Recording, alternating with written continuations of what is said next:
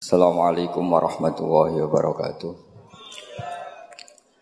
Alhamdulillahirabbil alamin wassalatu wassalamu ala asyrafil mursalin sayyidina Maulana Muhammadin wa ala alihi washabihi asmin nama ba'du.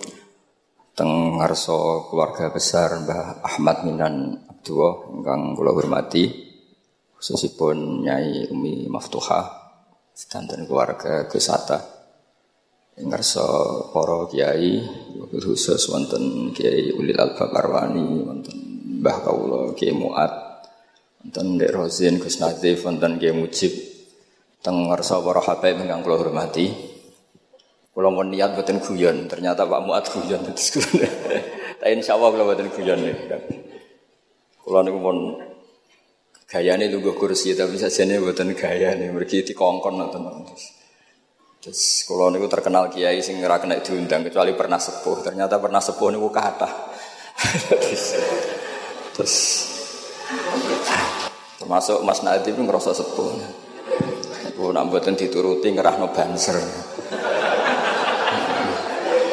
Terus ribet nih kalau itu. Uh, kalau badai matur jauh sederengipun Mbah Kawula Ki Mu'at-Tahir. Beliau itu Mbah saking lasem nggih saking kajen terus kula cerita sekedap buyut kula kandung namanya Hafsah niku gadah putri Sofiyah niku dugi kula. Adikipun Sofiyah Badiah niku dados ibu-ibun Kiai Sahal. Wonten malih Kiai Subaidi dados Mbah Afif Mbah Ahmad. Hafsah niku binti Maksum bin Soleh bin Asnawi Sepuh. Nabi Sepo nu saking Mbah Jiro mriki terus Mbah Alfiyah dugi Mbah Mutamakin terus dawuh Pak Muat terus gadah channel. Tapi bate nggih boten pati banter kula niku waris wedok dadi banter Mbah Muat. Tapi nak kula keliru niku pantes waris wedok. Nak waris lanang niku ketoke ora pati pantes. Terus cerita ya. Uh, di antara khazanah sing kula waos dan itu jauh sebelum Pulau Pireng cerita Mbah Minan, Pulau sering diceritani Bapak Kawulo. Bapak Rian Bakdo Hatam saking Buyut Zubaidi, Hatam teng mriki ngaos Mbah Dola. Niku banyak ulama sing gadah tradisi kados Mbah Minan. Tang kitab Umul Barohin ini diterangkan Nabi Musa sausai kepanggih pangeran. Niku nak ketemu suarane tiyang kupingi ditutupi. Wong bar krungu suarane pangeran Terus krungu suarane manusa. Iku pusing. Terus baminan itu biasa terus Quran terus bocah bakas panen itu kan pusing. Buat cerita no corona itu ya pusing. Terus biasa asik buat pangeran terus itu mesti istilahnya bila nyamannya dengan Allah. Di Indonesia itu kata ngoten. Sing masyhur nggih Mbah Dimyati Pandeglang. Wonten alhamdulillah wonten Mbah Minan. Kula gada pernah Mbah ngesal pernah Mbah Kulo namanya Mbah Nur konco beliau di Mekah itu termasuk ngriwayataken Dewi Baminan Saku iku kang wis urusan ambek wong wis aku ngaji di salah wong akeh lah sementing aku ngaji Quran. Terus kula alhamdulillah termasuk orang yang pernah diberi kesempatan soal beliau di kamar beliau dan saya tasarruf sekali merasa mulia. Karena khazanah itu memang ada. Terus kalau cerita sekedap, para tamu di Baminan kalau dengan logika, saiki wong lagi muhadasah mbek pangeran munajat. Munajat bawa Quran, khatam. Kemudian jenengan ganggu nganggu kalam-kalam adam. Niku nggih cara hukum tirakat nggih batal kata salat niku nak omongan adam ini niku batal. Terus kata orang-orang yang punya pilihan seperti itu, wahsyah, merasa tidak tidak nyaman dengan dengan makhluk. Ketika kalau bahasakan mendengar suara Tuhan, itu tentu ini menjadi masalah dalam kitab Tauhid karena laisa fi harfin wala sautin. Tapi ini pun jadi istilah, dados istilah umum. Kata yasma'a kalam Allah. Kalau cerita tentang Imam Syubah, Imam Syubah niku lam yusfroh lahu firosun khomsina sana. Beliau itu nggak pernah lemean 50 tahun. Dan beliau khataman itu 24 ribu kali. Bisa sampean bayang. Dan itu seringnya diwuduin wahid. Kata Sayyidina Utsman, Niku khatam Quran nggak badha Isa. Niku witire namung sak rakaat. Sayyidina Utsman itu satu-satunya sahabat kalau witir namung sak rakaat. Tapi sak Sayyidina Utsman itu khatam Quran. Nah kita alhamdulillah sakit niru sak rakaat ini. hebat. Kalau nanti ngawas kitab Fathul Bari pun Bukhari, ada kelompok tertentu yang mengkritik kita karena sering khatam deres esok, khatam sore, atau deres esok, khatam duhur. Bahkan sem profesional semaan kadang di orang cakepan, duhur khatam, sepindah terus macam-macam lah wong kata. Begitu sepuro pengiran. Sing jelas nak hasilnya lumayan di sepuro bojo lah. Kalau ada konco hafid itu ini semua. Anu nak cerita nih sampai apal deh. Nak wong belah sak mene, nak wong desa sak mene. Aku nak diundang wong desa susah ra karuan. Tak tak kok ilo kena opo? Beda mas nak undang mas. Tak pikir beda niku nopone ngono. Ternyata nggih nggih niku nih sing. Ah niku niku sing sing sing buatan pati top top. Nah, sing top top niku khatamane mbek pengen. Lalu lucunya niku sami. Sing payu ning desa ning belah yo nyun sewu yo duwe hasil. Tapi jenenge rezeki-rezeki perhitungan niku jumlahnya nggih terbatas. Tidak sing khataman teng kamar ngoten niku mboten terbatas. Wong niku langsung hubungannya mbek pangeran. Jadi sampean sering semaan mbek baminan semaan mbek pangeran mesti keramat baminan semaan mbek pangeran. Mergo sampean kontraknya kontrak basari, kontrak kontrak ini cek menuso. Sik ro bedane wong belah pejabat sampai wong desa. Kanca kula sakniki mboten purun semaan, gara-gara krungu debate. Niki kisah nyata. Cara sing lanang niku 50 ribu, zaman niku tahun 9 berapa. Cara sing wedok niku 20 debat. Debat terus dipadakno. Wong macul wae mau 20 ribu. Pemenah iki semaan ning jero omah, dadi 20 wis cukup. Gara-gara krungu debate niku terus mboten nate purun diundang nopo? Semaan. Niki cerita. Tapi ilmu yang saya dapatkan dari bapak saking Badullah, niku Dewi Badullah, kena kepengen semaan diundang wong ikhlas itu gampang nur. Kue sering deres. Jadi nak diundang wong anggap aja deres pindah tempat. Nah, tapi nak sampean ra tau ngaji khatam, jebule nak diundang semaan khatam, nak ning omah khataman, berarti orderan sampean. Jadi ki solusi bagi konco-konco hafid sing wedi dosa, nak sing mboten wedi nggih monggo terus mawon. niku carane niku nggih tetep teng dalem nggih khataman, mungkin nek diundang berarti khatamane pindah tem tempat. Tapi nak sampean ra tau ning khataman, kok nak diundang khataman, ya berarti order. Niki buatan nyindir, niki menata niat nih, cerita-cerita nata niat. Terus Imam Fathul Bari ini cerita, ketika Rasulullah Shallallahu Alaihi Wasallam dawuh ikrohu fi syahrin. Ada sahabat yang pamit mau khataman tiap bulan nggak boleh, dua minggu nggak boleh, seminggu nggak boleh. Walhasil itu dipakai alasan. Terus Nabi ngintikan ikrohu fi syahrin sampai ikrohu fi sabin sampai ada riwayat ikrohu fi salasin. Sudah tiga hari khatam sekali itu sudah kebanyakan. Apalagi satu hari khatam sekali. Itu kemudian dipakai kelompok tertentu untuk mengkritik tradisi NU yang satu hari khatam. Tapi apa jawabannya Imam Fathul Bari? Apa mereka yang mengkritik itu benar-benar nyata ikrohu fi syahrin, kemudian mereka itu khatam tiap bulan? Kan tidak juga. Untuk oke kamu kritik gak apa-apa dari Imam Sinten Ibnu Hajar al Asqalani, tapi kamu juga harus baca fi syahrin tiap bulan benar-benar apa? Hatam. Ikrohu fi. Memang benar-benar tiap tujuh hari hatam. Niki ngeritik sing khataman sedino, tapi ya khataman tiap tujuh hari. Jangan bakatnya jangan ngeritik. Nah, terus Imam Fatul Bari cerita. A'rafun nas, orang paling tahu tentang yang digedaki Rasulullah Shallallahu Alaihi Wasallam tentu ashabu beberapa sahabatnya. Dan ternyata Sayyidina Utsman itu setiap malam hatam. Artinya apa? Tiap hari beliau hatam. Masa Sayyidina Utsman nggak tahu hadis itu? Sayyidina Utsman tiap malam niku hatam.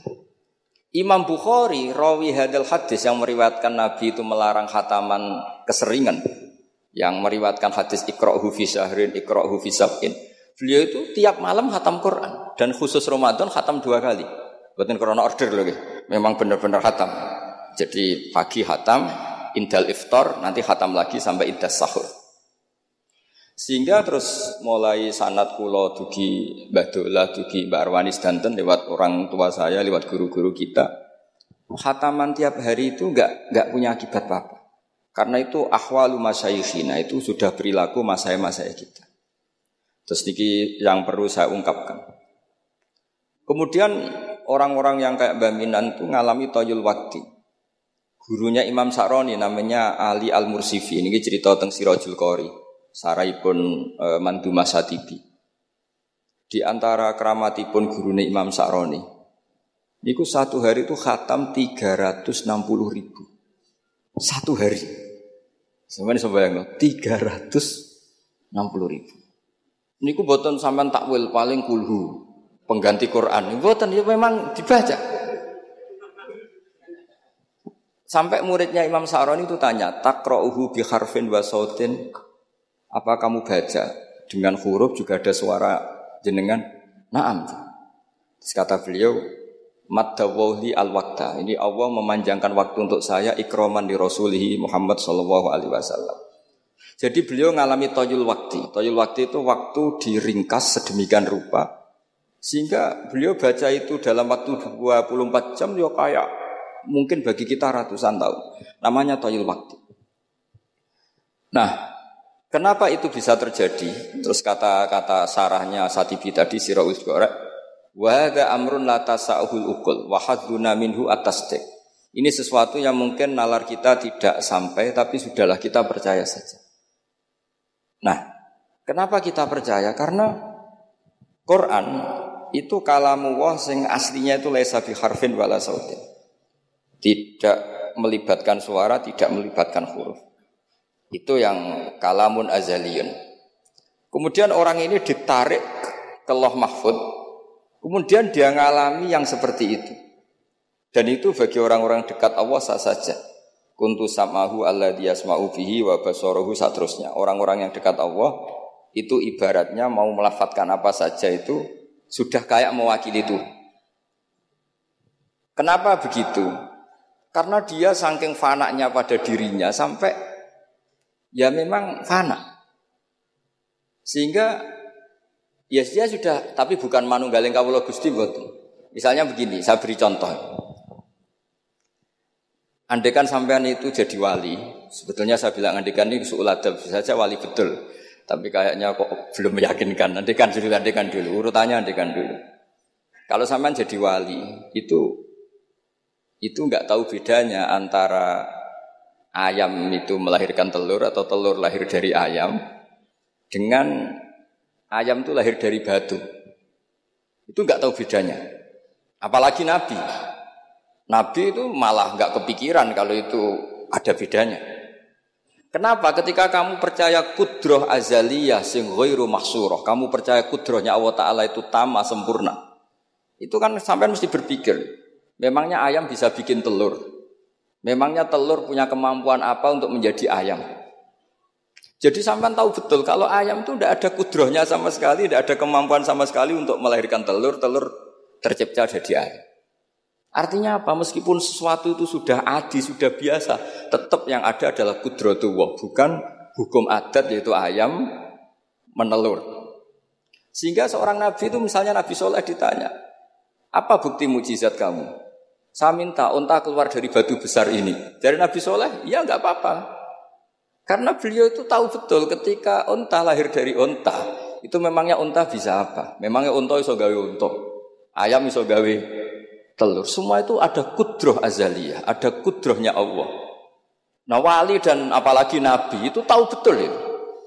Sehingga ya nggak ada bedanya. Misalnya para nabi sampai tanya, ayam bisa melahirkan telur. Apa batu ini bisa melahirkan telur? Ya jawabnya bisa. Sehingga ya betul lah. Terus ada nakotu soleh itu keluar dari apa? Batu. Dan Nabi Soleh ya biasa saja karena beliau memang Nabi. Rasulullah ketika sahabatnya kelaparan, terus diundang Jabir masakannya sedikit. Ya beliau bilang ini masakan harus jadi banyak. Ya banyak untuk orang sekian ribu cukup. Ketika sahabat kurang air di padang Sahara gitu. Sahabat bingung nyari air, Nabi malah sari, masyur. Sari, terus ya santai aja ketika beliau dilapuri kurang air, terus Ya sudah minum air dari sini terus fana ba'al mak baini asobi. Karena Nabi itu orang yang tidak bisa didikte oleh hukum adat. Sehingga tidak terus ayam ini bisa lahirkan telur, berarti mungkin. Kalau batu enggak melahirkan telur, tidak mungkin. Terus kamu bilang ini mungkin, ini tidak mungkin. Itu kita kalau di matolek kan diajari. Padahal mungkin tidak mungkin berdasar hukum adat. Bukan berdasar kudrohnya Allah Subhanahu wa Nah, Orang-orang yang sudah begini masalah rezeki juga gitu. Soalnya sementing para pangeran, masuk timbarno pangeran. Akhirnya sudah sementing mau amalah Allah. Makanya ada dulu ada cerita seorang Habib dia nggak punya pekerjaan terus setiap hari dia sholat tiap pagi ngantor ternyata dia ke musola atau ke masjid sholat terus kata Habib itu ya Allah semua orang yang kerja engkau gaji maka saya ya harusnya engkau gaji Iku yo terus suge, tapi bukannya ditiru ya. Jadi ini apa ngantor ya rati kantor, ya ngantor ini masjid sholat. Tapi ini nggak boleh gaya-gayaan yang sudah makomnya seperti itu. Kalau sampean gak makomnya ribet. Tapi ini cerita ya, kalau tak belajar Quran. Sehingga para nabi itu gak kepikiran, misalnya Nabi Ibrahim itu gak kepikiran kalau api itu bisa membakar karena beliau tahu Api apa punya ikhtiar, api apa punya irodah, punya kehendak, api apa punya cara yang diinginkan api itu untuk membakar saya kan tidak juga, um, dia benda mati. Pasti itu mur tangan Allah. Sehingga ketika dia beliau mau dibakar ya santai aja, beliau nggak tahu bedanya di sana sama di sini. Semua nabi itu begitu, makun tata drimal kita bualal iman. Makanya semua nabi itu rata-rata umi umi itu ya pokoknya sudah begitu. Makanya disuruh berdoa ya nggak mau. Kata malaikat Jibril, e, saya Jibril untuk nolong kamu. Tidak, saya tidak butuh kamu. Maksudnya kamu ngomong nanti tak sampaikan ke Allah. Allah itu sudah tahu tanpa kamu. Hasbi min su'ali ilmuhu bihal. Itu Nabi. Nah, Rasulullah Muhammad Wasallam juga sama. Ketika mau perang Badar, itu kan musuhnya itu seribu lah kira-kira gitu. Sahabat itu tiga ratus. Terkenalnya 313 sama dengan Ashabi apa itu? Tolut itu. Apa itu wakotala apa Dawud itu Ashabi Dawud itu. Itu Nabi ya santai aja. Padahal itu pedang satu dipakai orang sepuluh. Sama bisa bayangkan perang pedangnya gentinan. Tidak bisa kan? Tapi Nabi karena diutus Allah ya jalan saja. Ya santai. Karena bagi Nabi itu nanti ada kudrotullah. Betul. Ternyata perang musuhnya seribu, musuh tiga ratus, yang satu perlengkapan lengkap, yang satu gentenan pedang. Perang yus. Dibaca sih nyilai pedang kalau musuh kan yur gak iso bayang. Singkat cerita terus masyur itu Nabi terus berdoa. Ya Allahumma illam apa Allahumma intuhlik hadil isobat alam tu'bad ba'dal yaum. Walhasil terus ada ada pertolongan dari Allah. Artinya Nabi nganggep ini gak penting 300 apa 100. Orang menang tuh ya karena bikudrotillah. Begitu juga di perang Khandaq di. Jika Nabi itu pernah minta kakinya kambing. Kaki yang depan namanya dirok. Dirok itu dua kan. Namanya kaki depan itu dirok. Eh, coba ambilkan dirok itu ini ada tamu diambilkan. Terus diambilkan lagi. Ambilkan lagi satu diambilkan. Terus ambilkan lagi. Bukankah kambing diroknya hanya dua ya Rasulullah? Andai kan kamu langsung ngambil. Pasti tetap jumlah itu ada. Karena ketika Nabi ngendikan ini jadi konstitusi. Jadi ke mana malaikat kudu melok ribet nah Nabi ngendikan. Ya masyur kan Nabi khutbah, padahal pas musim kemarau nggak mungkin hujan nah, cara hukum adat. Ya Rasulullah khutbah itu suwi-suwi ini wong bingung perkara ana udan. Pun ini niki bingung halakatil amal mergo gak ana udan. Niku Nabi langsung ngendikan udan. Warang hutan minggu berikutnya wong kebanjiran saat ini buat rusak korono kemarau tapi korono banjir. Lalu Nabi menghentikan Allahumma hawalena wala ini langsung mari. Artinya Nabi itu gak bisa didikte terus. Ini secara ilmu falak ini gak musim hujan. Aki saya kan perhitungan, gelem istisqa saya usah didelok guys musim dari istisqa. Kalau di konco kiai ahli falak, ini kon istisqa orang gelem. Tak takut, kena apa? Tak hitung cek suwi kesudan. Engkau ora ketara ramandine, jadi dia ngenteni Wis, yo ono kiai rontok politik ngoten yo. Tangan-tangan yo bener timbang terkenal ngobos kan nurono reputasi dadi. Iku. Tapi kalau Nabi itu ndak. Nabi itu makun tata terimal kita bualal iman. Karena kalau kita sudah makom itu, itu nggak bisa didikte oleh al-ahkam al-adiyah.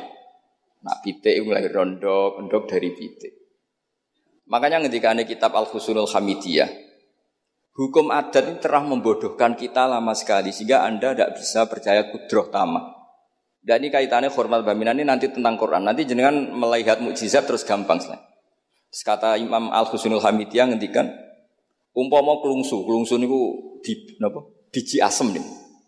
Andai kan tidak pernah terjadi kelungsu itu jadi asem yang besar, kemudian buah, kemudian macam-macam lah, ditabak truk nanti yo masalah tenan. Terus gak itu gak pernah terjadi. Terus akhbaro kamu birun, terus kamu diberi cerita orang, ini kelungsu ini bisa jadi pohon besar sekali suatu saat. Kamu pasti tidak percaya. Oh ini mohal, masa barang kecil jadi besar. Berhubung sering terjadi, terus Anda bilang, mungkin.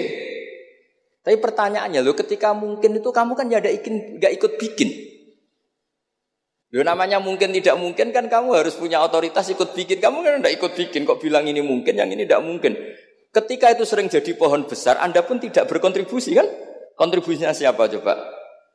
Allah Subhanahu wa taala. Nah di sini terus para wali itu sudah mengabaikan itu semua.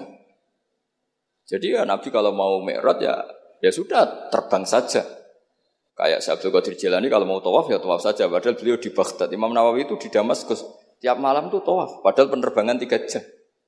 Karena beliau gak roh beda nih. Ya aduh itu parku. Mbak Mutamakin kepengen teng Mekah ya teng Mekah mawon. Kau santri haji, paspore diurus. Kondo Mas Nadib kon kondo menak nu mboten usah ngoten. Mboten usah ngoten. Ini cerita wali mboten mboten. Artinya Nah, orang-orang ahli Quran itu sudah sudah ke makom itu. Jika yo coba warai, nak tengok-tengok neng omah terus rezekine piye, yo coba warai ngono kok jadi goblok malah niki pun pun makomnya seperti itu. Dan kita harus harus berlatih. Kalau kita tidak berlatih maka ilmu ini akan hilang.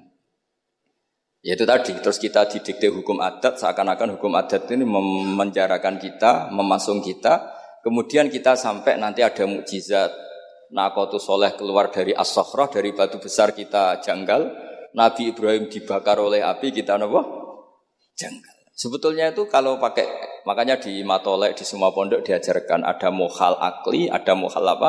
Adi. Kalau mohal adi itu ya ya sebetulnya tidak mohal. Cuma secara adat itu jarang apa ter terjadi. Tapi kita harus mulai berpikir, dilatih. Ketika telur jadi ayam, memangnya dia punya ikhtiar kan enggak? Tetap di situ ada kudrotu wah. Nah kalau sama-sama kudrotu wah bedanya apa? Telur keluar dari ayam sama telur keluar dari batu. Kan sama-sama yang menentukan adalah kud. Nah di sini ini latihan tauhid. Terus yang terakhir untuk sering baca Quran secara fase, secara benar, secara apa? Ini saya cerita min haisul makna ya. Itu sesuatu itu dikembalikan pada yang punya. Saya saya beri contoh ya. Kalau sampean saya tanya, mic ini kan dari besi, sama ini masker dari kertas, dari kain. Ini kuat mana? Pasti sampean menjawab kuat mic, karena ini materinya dari apa? Tapi Anda salah. Artinya salah itu, ya semuanya itu cerdas tapi lagi setengah. Yang benar adalah ya terserah jenengan Gus jenengan yang megang. Bisa saja ini masker tak rencanakan, tak awetkan, tak simpen, tak museumkan. Saya punya rencana menghancurkan mik ini. Berarti nanti awet mana? Dinosaurus itu konstruksinya lebih kuat, tapi Allah menghendaki habis-habis. Pitik sing ngono bisa nganti saiki. Nah, kira-kira seperti itulah hukum Allah. Karena agama itu agama itu apa jadi ya mambiati malakutu kulisa. Agama itu berkeyakinan kalau ya terserah yang punya. Jadi kalau di depan agama, kamu tidak bisa bilang ini lebih kuat dibanding ini tidak bisa. Tetap terserah yang pu. Jadi kalau jenengan cerdas betul ditanya, mic ini sama masker kuat mana? Terserah jenengan. Atau kalau enggak, wow alam. Karena memang iya apa artinya ini lebih kuat tapi saya punya rencana menghancurkan. Tapi ini lemah tapi aku punya rencana tak awet awetkan. Nah, seperti itu harus dilatih supaya kita terbiasa iman itu bil dengan argumen-argumen yang yang kuat. Karena memang syaratnya iman menurut banyak ulama ya lam yakunil ladzina kafaru min ahli kitab wal musyrikin munfakina hatta ta'tiyahumul bayyinah. Jadi sehingga semua rasul itu punya kecakapan itu. Makanya nanti kalau suatu saat jenengan dekat ajal, dekat apa, itu harus begitu juga dilatih. Ketika saya hidup ya tidak bisa mengatur kehidupan saya, cara kerja jantung, cara kerja organ tubuh kita. Sebenarnya kita hidup kan hidup saja, kita tidak tahu kenapa hidup. Tapi sawangannya nak wis mangan menjaga kehidupan. Sawangannya nak berobat menjaga apa? Kesehatan. Tapi kita bisa apa di depan kudrat tua? Jadi harus dilatih terus. Karena ini ngaji berarti yang ahli Quran ada sekolah suwon adat kados Mbah Minan, Mbah Dimyati, beberapa ulama yang nggak keluar kamar itu mulai dulu juga ada. Itu juga satu manhat karena sudah asik dengan Allah maka asing mengalami wahsah dengan yang lain. Tapi juga ada ulama yang milih kumpul orang banyak sehingga manfaati orang banyak. Dan menurut saya figur-figur di kajian itu sudah sudah sempurna larnya ada model Badula, Mbak Sahal, Mbak Minan sendiri tertutup tapi Ibu Umi Tuha sosialisasi kiroati ke mana-mana sehingga ini pelajaran bagi kita bahwa pilihan dekat Allah itu variannya nopo banyak. Sementing ikhlas, sambil terus belajar mendengarkan uh, makalah-makalahnya ulama. Karena makalah ulama ini penting. Kita kalau nggak diwarai ulama itu tidak bisa cara berpikir bersanat. Saya sering didawi Bahmun, Ihdinas siratal mustaqim itu ladina an'amta alaihim. Kenapa tidak siratoka jalanmu ya Allah? Fa inna Allah ta'ala la yakul wa la yashrab wa la yanam. Allah itu tidak makan, nggak tidur, nggak apa-apa. Terus kita bisa niru apa, Pak? Tapi kalau siratal ladzina an'amta alaihim artinya toriku wah adalah dengan mengikuti orang-orang yang telah diberi nek. Jadi kita niru Badola, niru Mbak Arwani, niru orang-orang baik. Karena kita nggak bisa niru Allah. Makanya setiap Allah cerita orang kebaikan, cerita kebaikan itu pasti cerita aktor-aktornya. Ulaikal ladzina an'ama alaihim terus minan nabiyyin. Seterusnya terus itu aja diceritakan keluarganya min Adam wa mimman hamalna ma'anu supaya orang itu hormat sama leluhur. Saya kenapa cerita Mbah Mutamakin? Bukan tafakhur bin nasab. Bahwa kita soleh begini tuh barokahnya doanya orang-orang dulu. Min dzurriyyati Adam wa mimman hamalna ma. Masih diteruskan wa min Ibrahim wa Israel. Baru soleh secara umum yang tidak perlu nasab. Wa mimman hadaina wajtabaina. Jadi Allah menghormati nasab sampai seperti itu. Sehingga rata-rata orang-orang soleh itu ya babanya soleh. Mosok turunannya sing wakaf masjid, sing kiai puluhan tahun, kalah mbek wong sing dadaan dadi kiai. Iku ketoke ora pati fair ngoten. Ini mboten kok urusan kula fanatik nasab nggih.